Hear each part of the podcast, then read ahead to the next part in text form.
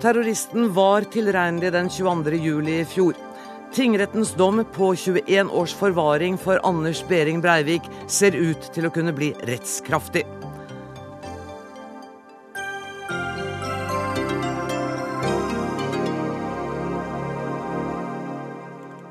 Aller først i denne sendinga skal vi snakke med riksadvokat Tor Aksel Busch. Vi hørte nettopp fra pressekonferansen som nå pågår i tinghuset, at eh, statsadvokatene sa at det har vært hyppig kontakt mellom dere i dag. For litt overraskende kom det akkurat nå en pressemelding fra Riksadvokatembetet hvor dere fastslår at dere ikke anker dommen. Hvorfor ikke det? Det er nokså uvanlig at vi er så raskt eh, ute etter en dom. Men i denne saken så er det tungtveiende hensyn som tilsier at vår avgjørelse burde komme så raskt som mulig. Enten den gikk i den ene eller den annen retning. Ikke minst av hensyn til de pårørende og ofre for ugjerningene. Så vi har jobbet under høytrykk, fulgt nøye med på det som har skjedd i Oslo tingrett i dag og eh, konstaterer at eh, det er en uenighet eh, mellom påtalemyndighet og domstol knyttet til ganske enkelt spørsmålet om sakkyndigerklæring 1 skaper så stor tvil at Breivik av den grunn bør erklæres utilregnelig. Det mente retten ikke var tilfellet. Det er en avgjørelse som vi kan leve meget godt med. Og eh, jeg bestemte derfor i samråd med aktorene at vi skulle være raskt ute og godta dommen, slik at ikke det blir en usikkerhet knyttet til det spørsmålet. Ja, for du har tidligere vært opptatt av at beviskravene må være til, tilstrekkelig oppfylt. Um, har det vært vanskelig å komme fram til den beslutningen om ikke å anke? Eh, det er en eh, stor og vanskelig sak Eh, vi har med å, å gjøre. Den har mange sider. Det som eh, har vært et spørsmål, det er hvordan er jussen å forstå rundt eh, hvilke beviskrav som gjelder for tilregnelighet. Og Der forfektet påtalemyndigheten et syn som mange var veldig kritiske til, og vi fikk mye pepper for vår oppfatning, for å si det folkelig. Mm.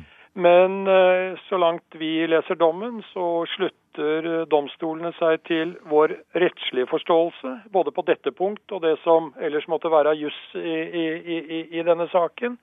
Og det eh, har vært viktig for oss. Den bevisvurderingsuenigheten, det ble et langt ord, mm. som foreligger, den lever vi, som jeg sa, godt med. Eh, dommerne har eh, vurdert dette. De har skrevet en grundig dom og gitt redegjort eh, for sitt syn. I prinsippet kunne vi ha brakt dette spørsmålet inn for lagmannsretten, men det fant vi altså ikke grunn til. Hvor viktig har det vært for den avgjørelsen dere har kommet fram til, at det har åpenbart vært den alminnelige rettsoppfatning, hvis man kan bruke et så vagt og flytende uttrykk, at han burde dømmes tilregnelig, og at det har vært en lettelse å spore i dag over at tingretten kom fram til nettopp det? Jeg har nok lagt mer vekt på påkjenningen eh, det ville være for de pårørende og eh, de som er skadet av skudd eller skadet på annen måte fra eh, regjeringskvartalet og måtte gjennomgå en ny rettssak, det har veiet eh, tyngre. Og jeg syns nok i diskusjonen rundt den allmenne rettsfølelse, så, så, har veldig mange, også slik jeg oppfatter det, vært av den oppfatning at han burde kunne eh, straffes. Altså mer et spørsmål om hvordan reglene burde være, mm. enn hvordan de reelt uh, sett er. Men det er altså en totalvurdering, hvor vi ikke minst da har prøvd å studere nøye det retten har eh, skrevet, og både lest og, og, og, og fulgt med i, i, opplesningen her. Og med det som nå foreligger, så syns vi det var all grunn til å sette sluttstrek for dette spørsmålet. Breivik hadde jo noe uklare uttalelser om han øh, anker øh, Eller det var vel i og for seg ikke så uklart. Han anker ikke. Og Det betyr altså at denne dommen blir eh, rettskraftig. og Det må kanskje være tillatt også å fremheve at vi nå eh, med stor grad av sikkerhet da, kan si at eh, dommen vil være rettskraftig omtrent 13 eh, måneder etter at ugjerningene ble begått. Det er i seg selv oppsiktsvekkende raskt, og, og, og jeg håper at mange merker seg det. Kan du bare hjelpe meg å oppklare en nyanse? Dommer Arntzen sa at hun registrerte at uh, Anders Behring Breivik ikke kommer til å anke. Og ifølge dommer Arntzen så er det ikke det samme som å frafalle ankeadgangen. Hva er forskjellen på det? Ja, Det ene sier vi at jeg vedtar dommen, og det andre er jeg tar eh, betenkningstid, og det tredje jeg, jeg anker. De er alternativene. Men Breivik anerkjenner jo da ikke domstolen i det hele tatt, så han fikk jo et dilemma som noen av oss i og for seg har snakket om før uh, i diskusjoner, interne diskusjoner. Hva vil han gjøre? For hvis han anker, så gir han jo legitimitet til en domstol uh, som han ikke anerkjenner. Så han valgte en slags fjerde eh, vei, altså si at jeg anerkjenner ikke dommen, men jeg vil heller ikke anke den. Så det, det er en fjerde vei, men det betyr altså at når det har gått uh, to uker her, så skriver vi fullbyrdelsesordre på denne dommen, og vil umiddelbart være i gang med eh, soning av forvaringsstraffen. Kan jeg komme et personlig spørsmål helt til slutt? Ehm, føler Riksadvokaten en viss lettelse over at det er satt punktum nå? Ja, det eh, gjør jeg absolutt. Og jeg håper mange med meg gjør det. Og så skal vi nøye gå gjennom det vi har gjort, og, og se hva kan vi lære, og hva burde vi ha gjort uh, annerledes. Uh, det skal vi absolutt gjøre når det har roet seg litt. Tusen takk for at du var med i Dagsnytt 18, Tor Aksel Busch, riksadvokat. Det har vært stor spenning knyttet til tingrettens dom i 22. juli rettssaken Var han tilregnelig eller utilregnelig da han begikk terrorhandlingene? Og reporter Ellen Omland, eh, du har fulgt domsavsigelsen fra sal 250 i tingretten i dag, og det pågår nå en pressekonferanse. Eh, vi vet jo nå at det har kommet fram at påtalemyndigheten ikke anker. Hvordan er stemningen på pressekonferansen nå? Jo, det var eh, Dette kom jo fram da Svein Holden, statsadvokat Svein Holden leste opp denne pressemeldingen fra Riksadvokaten. Etter at denne pressemeldingen var lest opp, hvor det altså ble kunngjort at de det ikke anker, så fikk de spørsmål om hvordan ser dere på dette med at tingretten vekter annerledes eh, denne rapporten til Husby og Sørheim enn det dere gjorde. Da var det statsadvokat Inga Beireng som svarte. Hun sa at de ser at det er Eh, vektet ulikt denne rapporten, men de mener at eh, den rapporten skapte en for stor tvil, og det er der de skiller lag, svarte hun da. Mm. Så var det også et oppfølgingsspørsmål, men, men, var det en, rett og slett en feilvurdering da, fra aktoratets side å eh, vekte denne rapporten til Husby og Sørheim så mye ettersom eh, dommerne mente annerledes? Eh, og da svarte Beireng at nei, de står eh, ved lag ved den vurderingen som de da gjorde når de tok ut eller når de da skulle ha, eh, lage prosedyren. Mm. Ellen, Vi har nettopp snakket med Riksadvokaten bl.a. om eh, uttalelsene fra Anders Behring Breivik mot slutten av rettsdagen. Og jeg tenkte vi skulle høre hva som skjedde rett før retten ble hevet. Dommen er i mine øyne illegitim. Samtidig kan jeg ikke anke dommen fordi jeg ved å anke legitimerer retten.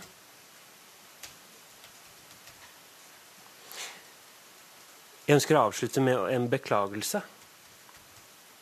Jeg ønsker å beklage til alle militante nasjonalister i Norge og Europa for at jeg ikke dette er ikke tiden for å adressere noen utenom denne sal. Det er meg du nå skal svare, Breivik. Jeg stiller deg et spørsmål. Hva Da tolker jeg deg slik at du tar betenkningstid. Jeg tar ikke betegningstid. Advokat Lippestad, kan du konferere med din klient og avklare hvilket standpunkt han inntar?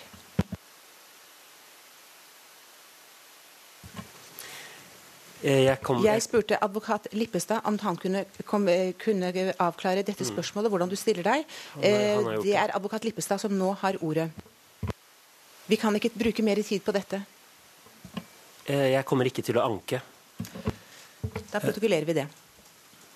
Det er det også jeg vil, eh, sånn jeg tolker han, at det er ikke betenkningstid. Han kommer ikke til å anke. Det å ikke komme til å anke er noe annet enn å frafalle ankeadgangen. Men vi protokollerer at han ikke kommer til å anke. Ja, kollega Ellen Omland. Det var, eh, det var tegn til dramatikk helt på slutten av dagen. Hva var det som skjedde her? Jo, Det som skjedde, var jo rett og slett at uh, Breivik har jo rett til å få komme med altså, en kommentar. altså Rett og slett på hvordan han stiller seg til domslutningen. Vil han vedta den, vil han anke eller vil han ta betenkningstid? Og så er det jo også som kjent i tidligere fengslingsmøter før rettssaken, men også under rettssaken, at Breivik har prøvd å få lengre taletid, altså komme med sitt budskap. det var helt tydelig at her tok dommer Arntzen kontrollen. Hun ville ikke ha dette her i sin rettssal. Hun kuttet rett og slett mikrofonen, så det ble helt stille hva han sa. Og så brøt hun inn og sa eh, det var ikke det jeg spurte om, eh, dette her er eh, Du får ikke komme med noe sånt. Så Breivik fortsatte jo å snakke, men den lyden gikk jo da ikke ut. Eh, eh, pressekonferansen fortsetter vel en stund til, og jeg håper at vi kan komme tilbake til det. Men akkurat nå vil jeg snakke med samfunnsredaktøren i, i Dagsavisen, Irene Halvorsen. Du, eh, da du hørte det som Anders Behring Breivik sa, og da han begynte å si 'jeg vil beklage', så tenkte jeg ja, men kanskje han skal beklage i forhold til ofre, pårørende. Hva tenkte du? Jeg vet ikke helt om jeg klarer å gjenfortelle hva jeg tenkte. Altså, jeg var veldig spent på hva som skulle komme nå. Um, og det er vel uh, egentlig det mest betegnende for han. Vi burde kanskje strengt tatt ikke ha vært så overrasket, fordi han startet jo denne saken med å si at han ikke anerkjenner denne retten. Uh, men jeg var ikke der mentalt at jeg var forberedt på det, og det tror jeg ikke noen andre var heller. Var du overrasket over dommen i dag? Altså, jeg eh, I går så, eh, og i forrige så ringte jeg veldig mange mennesker, snakket med veldig mange, og jeg tror det var veldig åpent. Altså, så, så, ja og nei. Altså, det kunne gå begge veier, dette her. Det var helt åpent. Eh, men eh, hvis dommen hadde falt ned på utilregnelighet, så hadde vi jo fått en veldig stor og opprivende diskusjon knyttet til ansvar ved grusomme handlinger. Så det er en lettelse. Og da hadde vi kanskje fått en anke fra Behring Breivik også. Vi, vi, vet jo ikke det. Um, det at dommen nå er rettskraftig om 14 dager, det er jo oppsiktsvekkende. For vi kunne jo sett for oss uh, en ankebehandling som kunne tatt et år. Ja, det kunne vi. Og det er jo også Eh, altså det er jo en betydelig anerkjennelse til Wenche Arntzen og tingretten at rettsoppgjøret i norgeshistoriens største sak avsluttes hos tingretten. Det er en betydelig anerkjennelse. Retten har gjort det retten skal ved tvil. Den har gjort sin egen vurdering. Tusen takk skal du ha, Irene Halvorsen fra Dagsavisen. Torunn Kanute Husvik, du overlevde angrepet på Utøya. Du lå gjemt i veldig høyt gress under et tre ved scenen, og du så Breivik gå forbi med våpenet sitt. Eh, hvordan opplever du dommen i dag, og det at den nå er rettskraftig?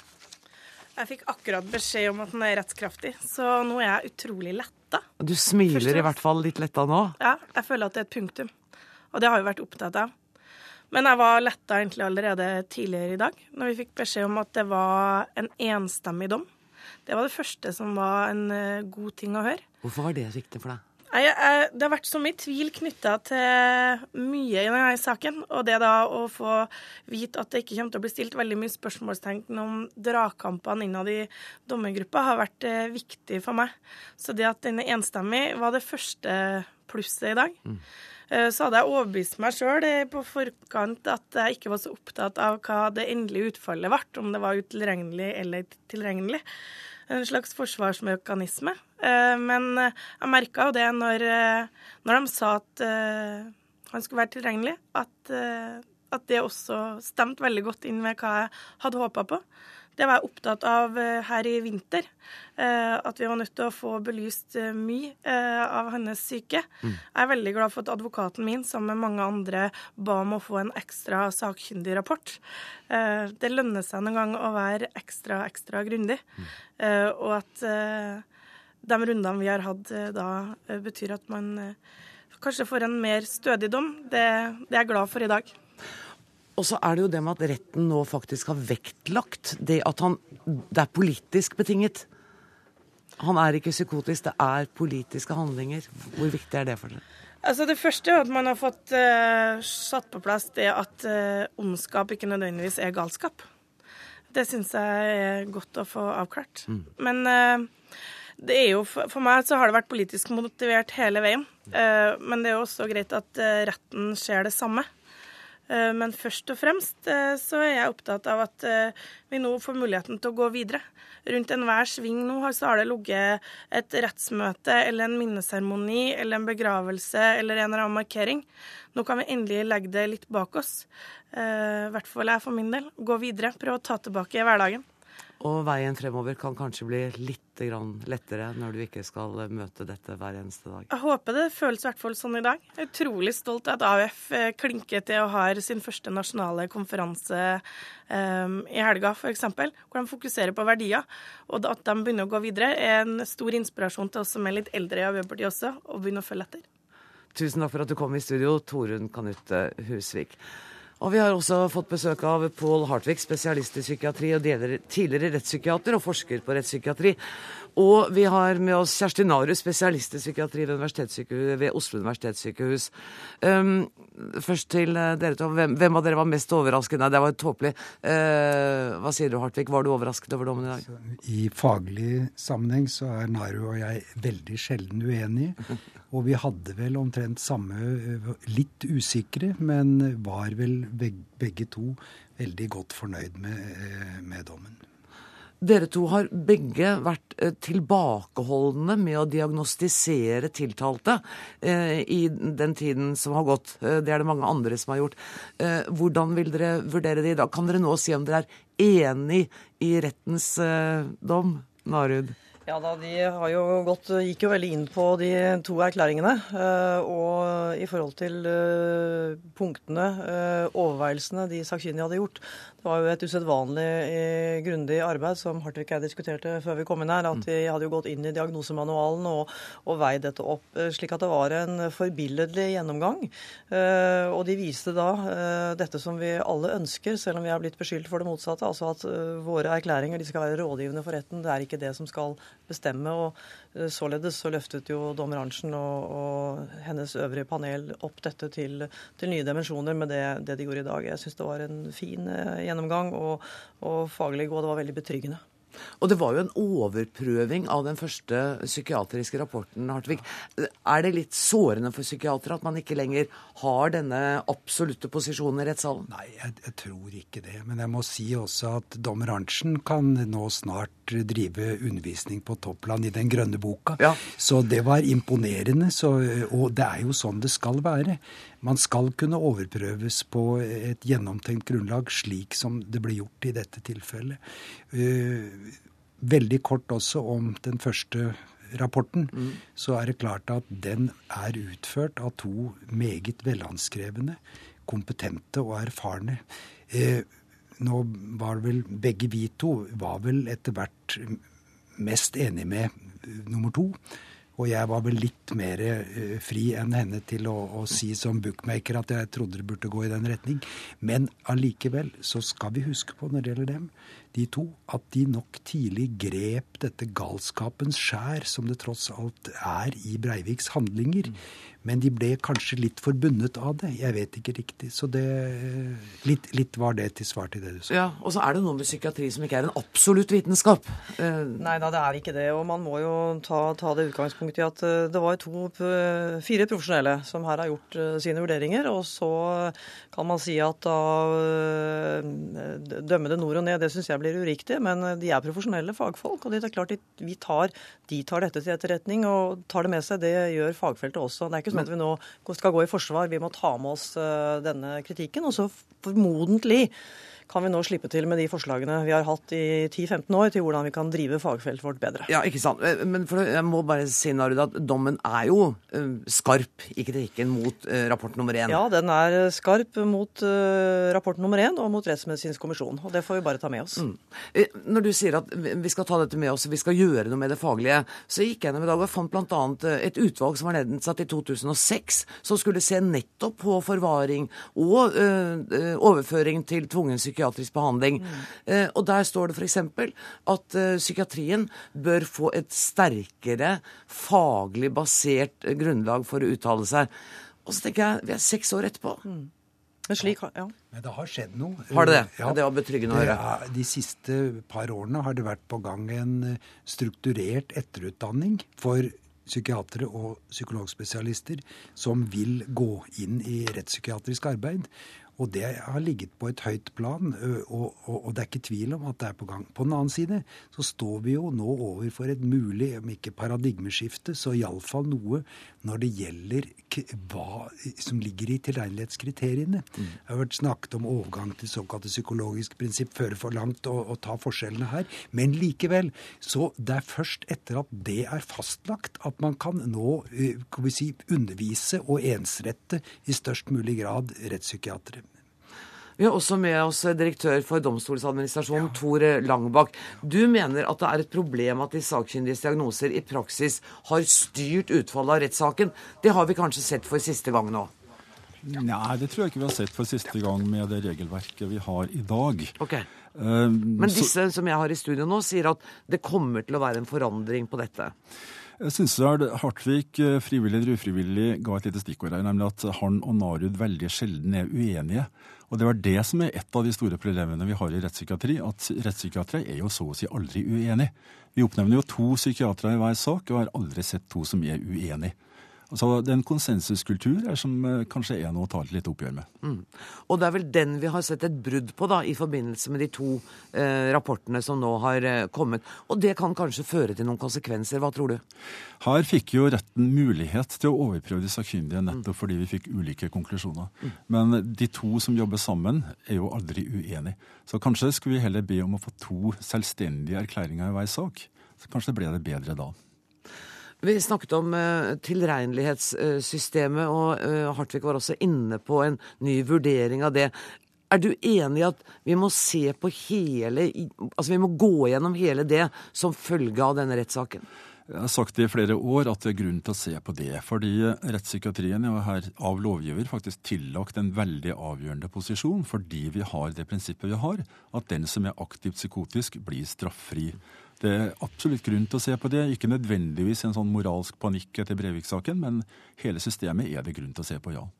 Hva slags rolle ser du at rettspsykiatrien bør ha eh, i framtida? Det er litt avhengig av hvordan man definerer tilregnelighetsregler, egentlig. Men eh, etter mitt skjønn så bør eh, rettspsykiatere bli det man egentlig burde brukt dem til, nemlig rådgivere for retten. Men da må retten få en funksjon som er praktisk gjennomførlig til å vurdere tilregneligheten friere enn i dag. Men eh, Oslo tingrett har altså gjort nettopp det ved denne dommen. Til de grader. Og det ble jo nettopp mulig fordi vi fikk et sakkyndig par nummer to som ga andre premisser enn det første paret gjorde. Ja, eh, Hartvig, dere skal være rådgivere for retten og ikke dominere den avgjørelsen. Hva tenker du om det? Vi har vel alltid ment at det skulle være sånn, men så har det vel gått en slags automatikk i akkurat dette med å bedømme sinnssykdom og graden av sinnssykdom, og at man har overlatt det til vår profesjon. Kanskje i litt for stor grad. Og jeg gjentar det jeg sa om dommer Arntzen i dag. Der, og jeg mener at Langbakk også har vært inne på dette med at man må også skolere dommerstanden, sånn som den blir tryggere og friere til å ta tak i det vi leverer. Mm. Ja, Nari, for det kan vel være litt sånn at dommerne tenker at ja, men det er deres ekspertise, jeg hører på den konklusjonen, og så slipper jeg på en måte å gå inn i det. Altså det motsatte av hva dommer Arntzen har gjort i dag. Ja da, det kan man jo oppleve som sakkyndig, at, eh, at, man eh, får et eh, fritt spillerom. Alt etter hva dommer har som interessefelt, eller hvor godt skolerte de er. Det er et ønske fra, fra det rettspsykiatriske fagmiljøet, som da mm, både Hartvig og jeg jobber, jobber praktisk og klinisk og forskningsmessig i, at vi får på banen strukturerte utredninger, altså en manual, nærmest, slik at det går an å gå inn og foreta uh, utredninger.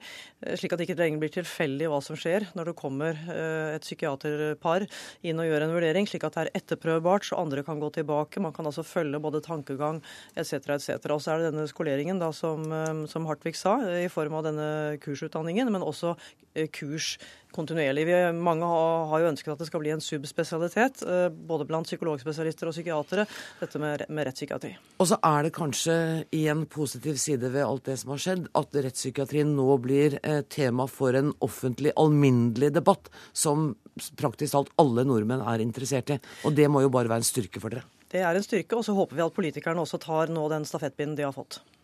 Tusen takk for at dere kom i studio. Kjersten Nariv og Pål Hartvig, psykiatere, og Tor Langbakk, leder av Domstolsadministrasjonen. Og eh, utenfor her står Anine Kierulf fordi straffen som Anders Behring Breivik har fått, eh, diskuteres nå verden rundt. Og på sosiale medier, f.eks. Twitter, så spør flere hva som er galt med Norge når en som har tatt 77 liv, bare får 21 års straff. Kan du forstå den reaksjonen, eh, stipendiat i offentlig rett ved Universitetet i Oslo, Anine Kierulf? Ja, det kan jeg forstå. Det er, henger jo nøye sammen med at uh gjengjeldelse eller hevn ligger ganske nært uh, den menneskelige natur. Ehm, de fleste straffesystemer er jo bygget eh, på en slik måte at ikke det er det eneste avgjørende eh, kriterium. Men i Norge har vi kanskje gått langt den andre veien. Allerede den straffeloven vi har fra 1902, så var vi langt fremme i en hva skal vi si, mer humanistisk tenkning omkring strafferettspleien. At det var i mindre grad hevn og i større grad tilbakeføring til samfunnet som var viktig. Mm. Har vi gått for langt i humanistisk retning når det gjelder denne spesielle saken? Det kan man sikkert stille seg et spørsmål om. Nå har vi jo eh, fått en forvaringsdom som i prinsippet innebærer muligheten for om ikke livstid, så iallfall vedvarende forlengelser. Eh, Riktignok med prøving underveis. Så slik så har man jo en åpning for det. Det finnes jo i tillegg eh, nye regler eh, for terrorvirksomhet som har en høyere strafferamme på 30 år. Eh, de er, eh, så vidt jeg vet, ikke trådt i kraft ennå. Iallfall ikke de som kunne vært aktuelle i denne saken. Nei. nå er det jo flere som har sagt at fordi dommen sier jo at det er en minstetid på ti år. Ja. og så er det mange som sier ja, da er han altså ute igjen om mindre enn ti år. Ja, Slik vil det ikke fungere. Eh, forvaringsstraffen eh, er en type tidsubestemt straff som gis dersom eh, det er nærliggende fare for gjentagelse av den samme type alvorlige straffbare handlinger, også etter utløpet av det som ellers ville blitt idømt som fengselsstraff. Det at det settes en minstetid på ti år, det er at det er maksimums minstetiden. Det betyr at han kan ikke på noe tidspunkt prøveløslates før den tid. Eh, det er eh, helt upraktisk at han vil prøveløslates også i tidsrommet mellom 10 og 21 år. Eh, men etter 21 år så vil, han, så vil, det altså være mulig for påtalemyndigheten, i den grad han fremdeles anses som farlig, å få forlenget straffen med fem år av gangen. Ja, akkurat. Sånn at 21 år er ikke den endelige straffen. Her vil det være opp til påtalemyndighet og vurderingen av gjentagelsesfare. Ja, og både påtalemyndighet og, og Breiviks rettssikkerhet vil da ivaretas ved at dette fremfører for en domstol, som da vil ta stilling til spørsmålet for hvert av de fem årene. Kan han søke om løslatelse tidligere enn ti år, eller kan han få en benådningssøknad behandlet før det er gått ti år? Ja, Før ti år måtte han i tilfelle benådes av kongen i statsråd. Det virker jo ikke sannsynlig. Eh, ellers så er det ikke mulig for ham å begjære prøveløslatelse før det er gått ti år. Hvor ofte kan han etter at det er gått ti år gjøre det? Kan han gjøre det flere ganger i år, eller hvordan er reglene der? Eh, det har jeg ikke helt klart for meg, hvordan reglene er akkurat på det punktet hvor hyppig dette kan gjøres. Men eh, det har jo formodningen motsatt. Eh, dette vil, vil kunne skje noe særlig, med noe særlig grad av hyppighet. Det er jo måten denne dommen er bygget opp på nå, hvor retten prisverdig nok har gått inn i en en direkte vurdering av premissene for disse psykiatriske rapportene. Og sånn sett, hva skal vi si gjort klart det selvsagte at verken juss eller psykiatri lever uh, uavhengig av verden, men uh, er uh, i en politisk og samfunnsmessig kontekst, så har det jo kommet veldig tydelig frem hvilke deler av hans personlighet som utgjør denne farevurderingen. og den vil jo ligge der også fremover og være retningsgivende, selv om hans tilstand naturligvis kan endre seg, og det må foretas nye vurderinger i fremtiden. Tusen takk for at du kom i studio, eh, stipendiat Anine Kjærulf. Eh, og jeg skal snakke litt mer med kollega Ellen Omland, som er på pressekonferansen på Tinghuset. Hva har eh, aktørene fortalt nå? Nå er det forsvarerteamet som har pressekonferanse. Det er Lippestad, eh, Tord Jorde og Odd Ivar Grønn som er til stede der. Det ble stilt spørsmål om hva som blei sagt mellom Lippestad og Breivik eh, da det blei forvirring rundt hvorvidt han skulle anke eller ikke. Eh, og da svarte Lippestad at eh, Breivik sa eh, han anerkjenner jo ikke den norske domstolen, og at det er derfor han uttrykker seg på denne litt forvirrende eh, måten. ellers så har Breivik gitt uttrykk for at han er fornøyd med resultatet. Men så kom også dette med ankemuligheten opp på pressekonferansen.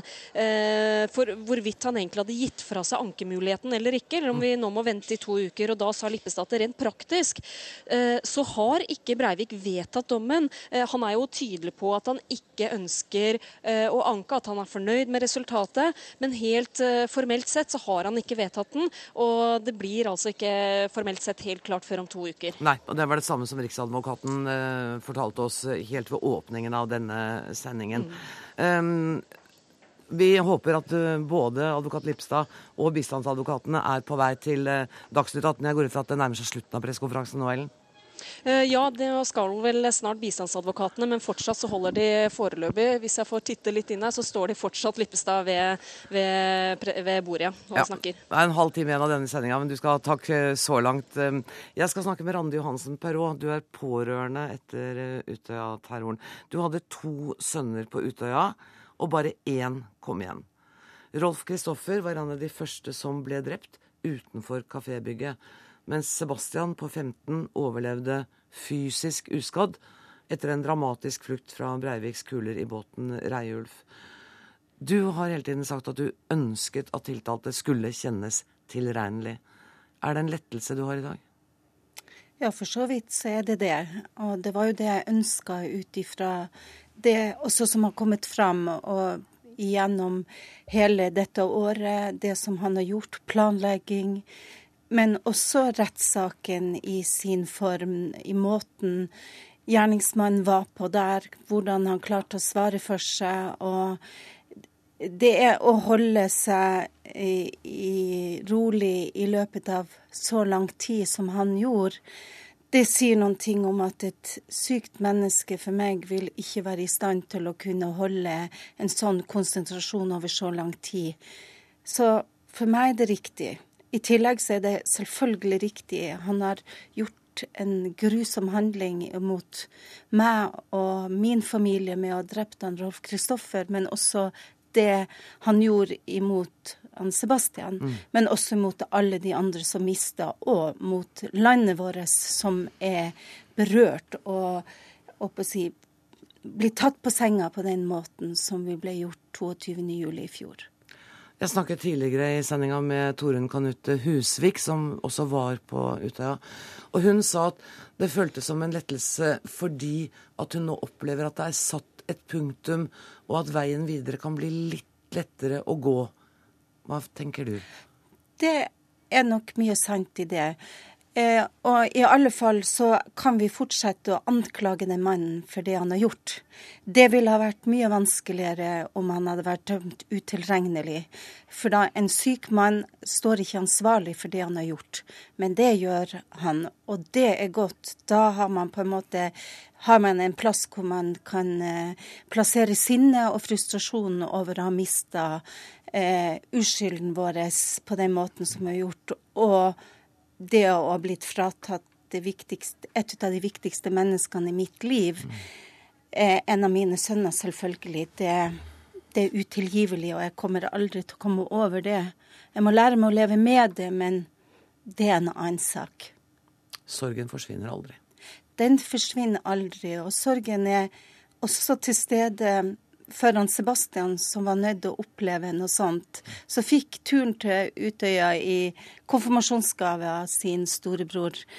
Og som hadde et veldig sterkt ønske om at han skulle få oppleve Utøya sånn som han hadde sett Utøya i ti år, som han hadde vært der. Så det er klart at det er mange, mange ting som er knytta opp til, til, positive ting som man nå har mista i kraft av, av, det grusomme som vi opplevde da. Mm. Kan jeg bare spørre deg helt kort, er, er du blant dem som mener at dommen er for mild? Det er klart at jeg har stilt meg spørsmål om vi har et lovverk som er, er, er stort nok for en så eh, grusom handling som mm. dette.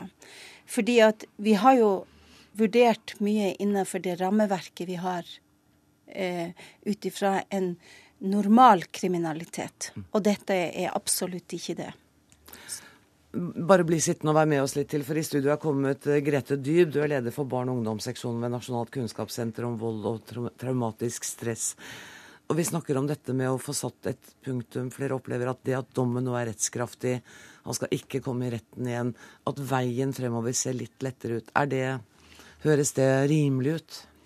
Ja, det tror jeg. Og, og det handler nok kanskje om at uh, for at veien videre skal, skal, ha en mening, så må også denne hendelsen få en slags mening for de som har opplevd det. Uh, og, det å ha mista så totalt uh, tilliten til rettferdighet gjennom en så grufull, urettferdig handling, det er ganske krevende.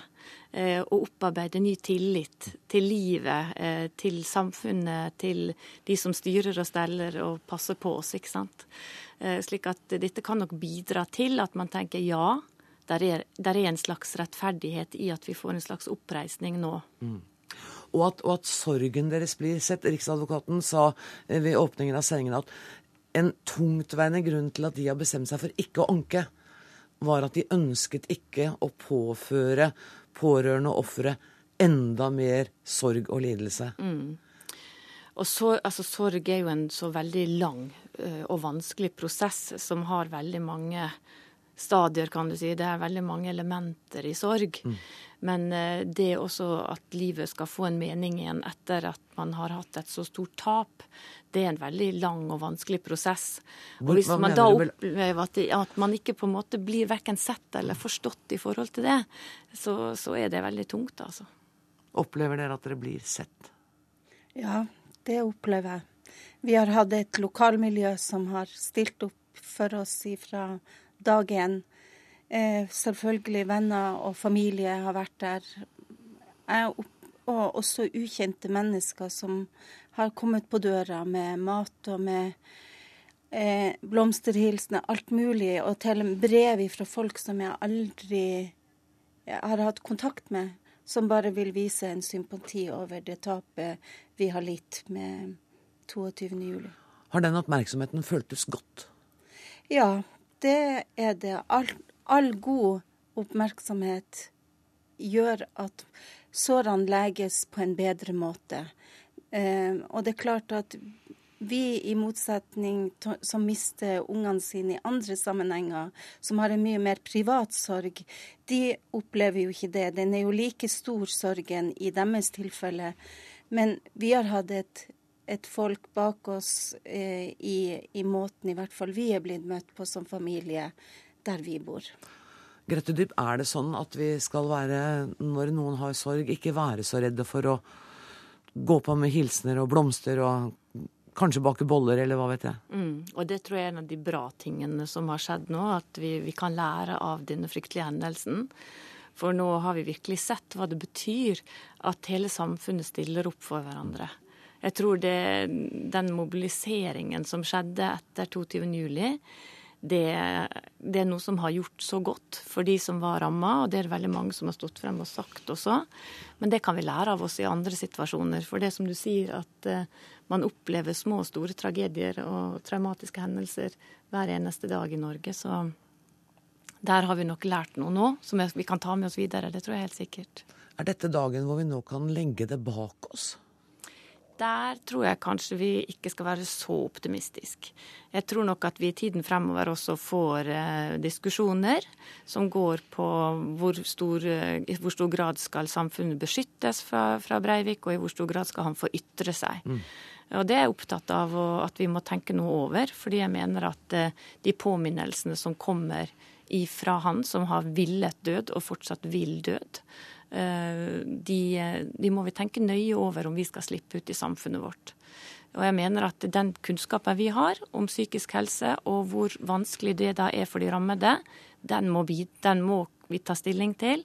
Og det må være en av de elementene vi vurderer når vi vurderer ytringsfriheten. Tusen takk for at du kom i studio, Grete Dyb, leder for barne- og ungdomsseksjonen ved Nasjonalt kunnskapssenter om vold og traumatisk stress. Og takk til Randi Johansen Perrault, som er moren til to av de som var på Utøya. En av dem kom altså aldri hjem igjen.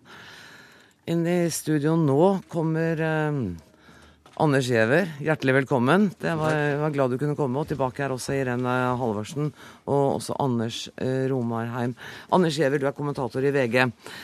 Um, og du blir på sosiale medier um, takket for at uh, det var din fortjeneste at, kom, at, rapport nummer to ble skrevet. Hvordan tar du det? Ja, jeg har ikke vært på sosiale medier i dag, men det er jo en, ære, en ære, jeg ikke fortjener. uh, men uh, altså, den aller største fortjenesten for det har i, i første omgang bistandsadvokatene, som, som krevet det, og i neste omgang dommer Arntzen, som uttalte at en sak har aldri hatt vondt av å bli uh, godt opplyst, eller uh, noe, noe, i den duren. Men jeg var tidlig ute og var kritisk til den første rapporten, fordi jeg mente den hadde så mange innlysende svakheter. Uh, og som ikke har noe jeg har. Jeg er ikke psykiater og ikke psykolog, og i det hele tatt, men bare ut fra et legmannsperspektiv så var den så full av huller at du kunne trille svære smultringer gjennom den. Og det var veldig tilfredsstillende i dag å høre dette, disse innvendingene som jeg og mange, mange andre har kommet med i et så juridisk nådeløst knusende språk som det eh, dommer Arntzen hadde. Og det var en soliditet i begrunnelsene eh, ved det som, som var imponerende. Jeg hadde to psykiatere her rett før dere kom som sa at hun kan begynne å undervise på høyt nivå i psykiatri nå, dommer Arntzen. Ja, og jeg, og jeg tenker også at hun, det hun gjorde, det var at hun tok hele dette tilbake og inn i rettssalen. Vi har nå fått høre av eksperter og av påtalemyndighetene, dessverre, eh, i, i tre kvart år, at nå var det på en måte liksom ikke mulig å gjøre noe med denne saken. Nå var tvil skapt ved denne håpløse rapporten, og selv om den kanskje var feil, så var det da en slags naturlov i norsk juss at han da måtte bli kjent utilregnelig. I hvert fall en høyesterettsdom fra 1979. Ikke sant. Ja. Og så kommer hun og viser at det går faktisk an å kombinere juss og fornuft og gå rundt hele, hele, denne saken. Og hun gjør det på en utrolig overbevisende og pedagogisk god måte, som vanlige nordmenn som du og jeg og, og alle har mulighet til å følge. Irene Halvorsen, er det også et tegn på at um, Riksadvokaten eh, har gitt slipp på litt av prestisjen ved å ikke anke? Altså Han åpnet jo for så vidt bakdøra eh, på gløtt fordi de la ned subsidiær påstand. Mm. Eh, det er den redningsplanken de skaffet seg selv. Som er grunnen til at de nå kan eh, gå inn og avklare med en gang at de ikke, ikke anker dommen.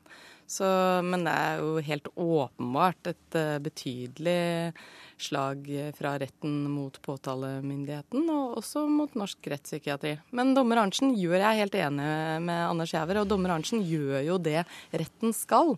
Er det tilstrekkelig tvil, skal retten faktisk uh, finne ut av dette selv, og det gjør hun med betydelig grad av overbevisning. Har hun, har hun, skapt ny rett med dette? Aktorene gikk jo ved åpningen av rettssaken ned og sa, advarte veldig mot å tøye grensene og skape ny rett. Nå har hun gjort det. Ja, det var riset bak speilet. og Holden mm. sa jo liksom rett ut at da ville de anke til Høyesterett, og da kunne de oppheve hele hele dommen, og da hadde vi fått en ny rettssak. Det er et enormt ris bak, eh, bak, speilet som er blitt gjort kraftig til skamme i dag. Nei, de utvidet jo litt, så vidt jeg skjønner, denne, denne, De debatter, satte den tvilsgreia litt mer under, under debatt, og, og, trakk inn litt flere skriftsteder, eller hva, hva man kaller det, kaller det i jussen. Mm. Men uansett så knuste det jo bevisførselen. Ja. Det var jo det de gjør, og det, det skal godt gjøres å kunne anke på noe sånt. Du, du satt i rettssalen da, gjorde du ikke det? Jeg gjorde det. Hvordan reagerte du på det opptrinnet mot slutten hvor Anders Behring Breivik beklager overfor norske nasjonalister? Nei, det syns jeg var Da var det tydelig at da var dommer Arntsens tålmodighet med Breivik slutt. Hun har vært på grensen et par ganger tidligere, men nå var det, tok hun lyden av så fortalte ok. Da henvendte hun seg til Lippestad. Når han prøvde å svare da likevel, så sier hun det er Lippestad som var ordet, og hun overkjørte ham totalt. og Uh, og det var bra, fordi det, der kommer han da fram i all sin Han er jo som en unge uh, som ikke skjønner hva det er han skal si når og i det hele tatt. Han ble avskåret fra å si det. Litt tilbake til dommen og forholdet til påtalemyndighet. Irene Halvorsen, tror du at Riksadvokaten ved at påtalemyndigheten nå ikke anker, har klart å komme i forkjøpet av eventuell kritikk, og at det blir rolig nå? Det vet jeg ikke. Jeg syns at uh, det er all mulig grunn uh, til å gi grønt lys for å grave dypere i norsk rettspleie etter denne prosessen. Uh, fordi det er jo verdt å merke seg at det ville Det er veldig vanskelig å se for seg at det ville kommet en ny rettspsykiatrisk rapport hvis ikke offentligheten hadde fått innsyn i den første. Mm. Eh, og det var jo påtalemyndigheten særdeles misfornøyd med. Eh, jeg husker jo veldig godt at eh, det gikk meget hardt ut både mot VG og TV 2 som offentliggjorde den rapporten. Jeg mener at det var veldig god folkeopplysning og helt nødvendig. Og jeg syns også at rettens aktører generelt da, kanskje har fått holde på litt for mye for seg selv. Jeg mener at denne saken viser hvor viktig offentlighet i rettspleien er. Og jeg håper at norske politikere ikke bare diskuterer det medisinske prinsipp og straffelovens paragraf 44, men også begynner å diskutere offentlighet i norsk rettspleie. I Sverige f.eks. så er det sånn at når tiltale er tatt ut, så legges eh, Eh, de delene av bevisene som er tatt med i tiltalen, legges ut til gjennomsyn for offentligheten. Det er et interessant prinsipp som vi burde ha diskutert også politisk i Norge. VG har eh, krevd statsministerens eh, avgang i forbindelse med 22. juli-saken. Kommer dere nå til å kreve Riksadvokatens? Eh, det er, ikke, det er ikke jeg som har den der jobben i VG som går ut på å kreve at, kreve at folk går. så, så, det er politisk redaktør og sjefredaktør som eh, eventuelt må, må svare på det spørsmålet. Jeg, eh, jeg syns ikke dette egentlig så, så, mye henger på personer som det henger på et på system, system, og på arrogansen i et system. Og det er den arrogansen som må gå. Anders Romarheim, velkommen hit. Du er forsker ved Institutt for forsvarsstudier. Hva betyr det at dommen konstaterer at Breiviks handlinger er politisk motiverte? Jeg syns det blei veldig tydelig gjort klart at når de som utøver politisk vold, eh, står for retten, så betyr politikk noe. Og det var jo en av de store manglene ved den første rapporten som ble påpekt her, var jo nettopp at de avgrenset seg egentlig vekk fra politikk og sa vi, vi har psykiatrisk kompetanse, politisk kompetanse er det andre som sitter på. Og vi var jo veldig nære da å havne forkjært på en, eh, en konklusjon fra den rapporten som, eh, som vi nå snakker om. der der det var veldig befriende, syns jeg. Det er det ordet som oppsummerer dagen for meg. Befriende å høre dommer Arntzen skjære igjennom og, og, sette skapet litt på plass på en rekke ulike instanser. Og noen som ikke er nevnt ennå, er jo Den rettsmedisinske kommisjon. Eh, hvor, hvor, var de? Hva har de gjort i denne prosessen her? Det, det lurer jeg oppriktig på. Mm. Og denne saken får kanskje noen konsekvenser også for den. Men du så registrerte at Breivik har også fått, fått noen såkalte støtteerklæringer i dag. Eh, jeg siterer Vår kommandant er blitt erklært tilregnelig. Det finnes fortsatt spor av rettferdighet i Europa. Dette sto å lese på en engelskspråklig nettside som tilhører noe som kaller seg The Conservative Revolution. Hvem kan stå bak sånt? Ja, det er eh, en forskjell på etterforskning og forskning, ja. så det er PST som eh, Men Kjenner du noe til disse miljøene? Altså, Man kan si noe om nedslagsfeltet. Det her eh, er jo det man frykter. Hvis det da viser seg å være ordentlige miljøer, militante miljøer som står bak. Og det er en såpass alvorlig sak at guttestreker er litt vanskelig å se for seg, for det hender det jo også forekommer litt i dette formatet. Men det er også En tredje variant er jo at det rett og slett er sinnsforvirrede mennesker eh, som tiltrekkes av en ideologi og en terrorhandling som er så avskyelig, men allikevel fins det folk som er gærne der ute, nok til å følge det. Men jeg tror, jeg tror det er eh, bare greit å ha et, liksom, mulighetene litt på bordet og la PST etterforske den typen uh, uttalelser. Vi er nødt til å sette strek for eh, denne sekvensen. Tusen takk til Anders Giæver, Irene Halvorsen og til Anders Romarheim. Eh, jeg håper at jeg nå har kontakt med forsvarer Geir Lippestad. For det, Har jeg det? Ja, det har jeg. Ja da, det hører jeg. det var bra. Du er ferdig med pressekonferansen? Det er jeg. Ja. Hvordan har denne dagen vært? Det har vært en, en ny, veldig spesiell dag i Oslo tingrett. Eh, dommen som eh, leses opp i dag, er jo et, eh, et dokument som dokumenterer grusomhet som har, har, skjedd. Alle navn som har blitt nevnt. Så, så det har vært en ny, ny tung dag, vil jeg si, i Oslo tingrett. Men i og med Riksadvokatens pressemelding så betyr det at denne dommen blir rettskraftig, og denne belastningen med å høre alt dette en gang til retten, det slipper alle nå. Ja, for alle praktiske formål så, så er denne dommen rettskraftig. Det var jo slik at uh, Breivik selv han uh, ville ikke bruke ordene at han vedtar dommen. Han sa at han ikke anker den. og sånn Helt teknisk så, så betyr vel det at han har tatt betenkningstid. Men han er veldig tydelig til oss etter at vi gikk ned og snakket med han etterpå, at han ikke vil anke. Og det har han også vært veldig tydelig på Eh, de siste 14 dagene. Så, så, um, så, uh, for alle praktiske formål så er det satt punktum nå. Ja, men, men, av helt tekniske grunner så vil, det da ikke, så vil det gå 14 dager før det endelige punktum blir satt, ikke sant? Ja, det er nok riktig. Eh, hva har han ellers sagt etter at eh, dommen falt i dag? Nei, nå hadde vi et kort uh, samtale med han. Det er jo vanlig skikk det at når et advokatoppdrag er over, så, så tar man en kort prat. en uh, utsjekk. Uh, spurte om det var spesielle ting han ville formidle, om det var noen spesielle ting han, han eh, hadde problemer med. Eh, det var det ikke. Så vi, vi, avsluttet oppdraget med han i dag. Så du har ikke noe videre arbeid for Anders Behring Breivik? Nei, ikke noe, ikke noe, videre arbeid. Det må i så fall være hvis det dukker opp andre ting. Men det, ikke, nå, er, nå er denne saken avsluttet. Kan jeg bare spørre deg, Var du overrasket over at han igjen i dag begynte å gjenta det som han hadde innledet uh, rettssaken med? Dette med at Nei. han ikke aksepterer, eller visste du det? Ja, det, det, det visste jeg. Han uh, hadde fortalt, eller har fortalt oss at han vil, ville komme med denne bemerkningen til, uh, til ankespørsmålet. Vi hadde jo orientert han om hvordan dette fungerer. Og, og, så det, jeg var ikke overrasket over, over det. Men var du overrasket over hvor raskt dommer Arntzen bryskt avviste hans, eh, hans lille foredrag der?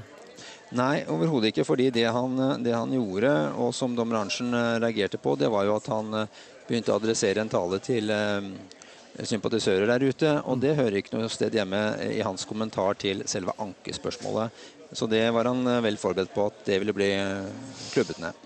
Ble du overrasket over at Riksadvokaten så raskt kom ut med en pressemelding om at han ikke vil eh, anke? Ja, så, nå hadde jo vi fått noen signaler, men, men, eh, jeg tenkte vel kanskje at det ville bli avklart eh, i løpet av kvelden. Mm. Eh, og så var det sikkert veldig klokt å, å gjøre det på pressekonferansen, slik at ikke spekulasjoner og, og, og sånt fikk, fikk, lov å ta rot. Så, så jeg tror det var veldig fornuftig.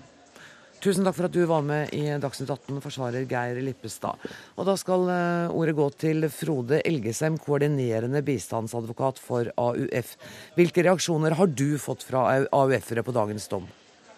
De eh, jeg har snakket med, har i alt vesentlig vært lettet over denne dommen. Og, og har gitt uttrykk for at det er eh, det føles rettferdig at Breivik har fått en forvaringsdom som, som innebærer at han han må stå til rette, altså stå til ansvar strafferettslig for, eh, for, de grusomme handlingene han har, har utført.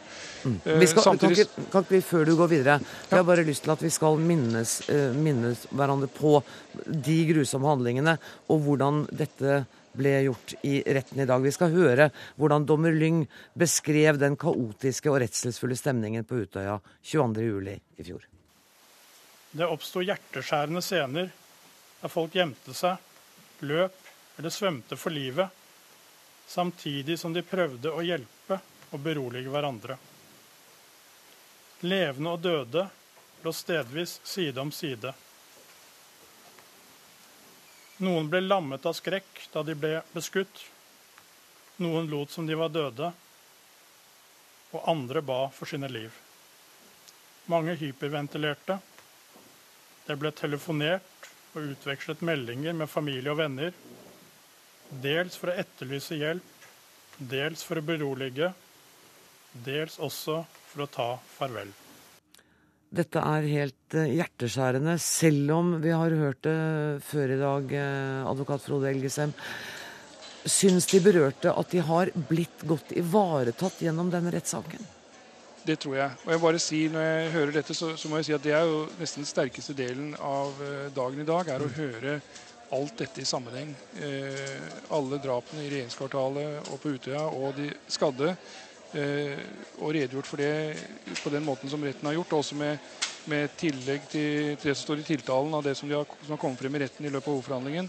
Det synes jeg var en, en veldig sterk eh, opplevelse.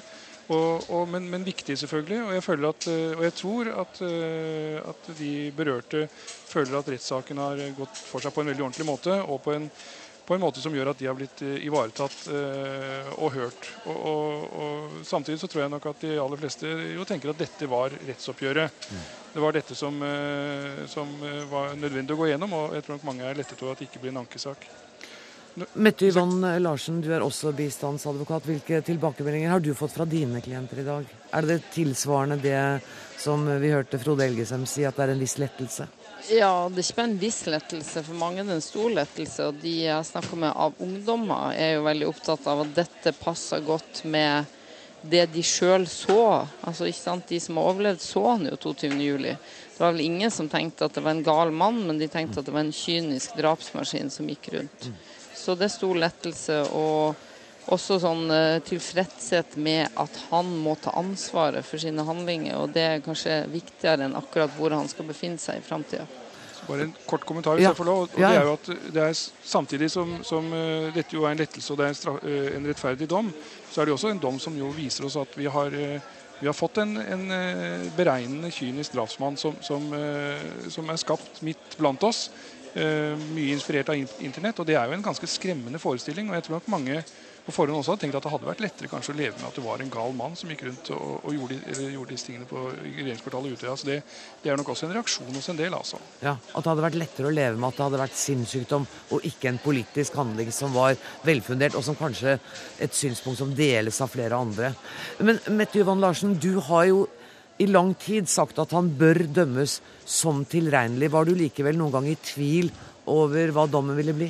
Um, altså, Da jeg så han 25.07, selv om jeg er psykiater, så var jeg en av de første som så han av eksterne personer. Så var det aldri i mine tanker at det var en psykotisk person vi hadde med å gjøre. Og den ryggmargsfølelsen har jeg hatt hele veien siden. Det er klart at jeg var i tvil. altså jeg har stor tillit til disse dommerne, det må jeg si fra første stund. Men jeg tenkte at kanskje de mener at den første rapporten hadde skapt nok bevistvil. Men det var jo åpenbart at retten ikke mente. For retten kom jo til at det var bevist utover rimelig tvil at han var tilgjengelig, og det var jo nesten mer enn forventa. Mm. Og nå er det altså satt punktum. Om 14 dager vil denne dommen være rettskraftig. Tusen takk til Frode Elgesheim og Mette Yvonne Larsen, begge bistandsadvokater. Og de siste par minuttene av Dagsnytt 18 får du, Anders Børingbo. Du har fulgt denne saken. Det har vært en del av ditt liv også i mange måneder. Og nå er punktum satt. Ja, det er en merkelig, merkelig følelse at det skjedde så fort. Mm. Siste bekreftelsen fikk vi jo da fra Geir Ippestad nå for bare noen minutter siden. Han forteller at han har vært i kjelleren sammen med Breivik i tinghuset. Breivik har sagt at er helt, han er helt sikker på han anker ikke. Og dermed så er det jo bare, bare en hypotetisk mulighet for at det blir en anke og noe, noe mer rettsbehandling her. Mm. Men dommer Arntzen sa likevel at hun valgte å tolke fordi han var utydelig på dette med å frafalle ankeadgangen. Så har hun valgt å tolke det som han tok betenkning. Så det betyr at det er to uker til denne eh, dommen er rettskraftig, ja, ikke sant? Ja, Arntzen er korrekt og formell, og hun gjorde det på den, eh, den, måten. Så de to ukene må vi vente. Dette fikk Lippestad da flere spørsmål om for under en time siden. Han sier at det er en helt hypotetisk problemstilling at Breivik nå skal ombestemme seg. Så han mener at dette er over nå det er helt, helt, klart at det er situasjonen. Du har snakket med mange mennesker i dag. Jeg har hatt noen her i studio, og det fellestrekket har vært at det er en lettelse over at det er slutt. Er det ditt inntrykk også nå? Ja, veldig. Og det var stemningen i denne første pausen i opplesningen, da slutningen var kjent. Veldig mange av de etterlatte pårørende kom ut og var letta, rett og slett. Og sa at dette handler om rettferdighet og moral. At har man planlagt noe og vet hva man har gjort, og skjønner at det er galt, så skal man straffes for det. Det var den, den gjengse oppfatningen i tinghuset i dag. Du skal ha tusen takk for at du på tampen av eh, arbeidsdagen kom innom Dagsnytt 18 også, Anders Børringbo. Ehm, vi skal bare registrere at eh, denne sendinga nærmer seg slutten. Ansvarlig i dag har vært Karoline Rugeldal. Det tekniske ansvaret har Finn Lie. Jeg heter eh, Anne Grosvold. Ha en god helg.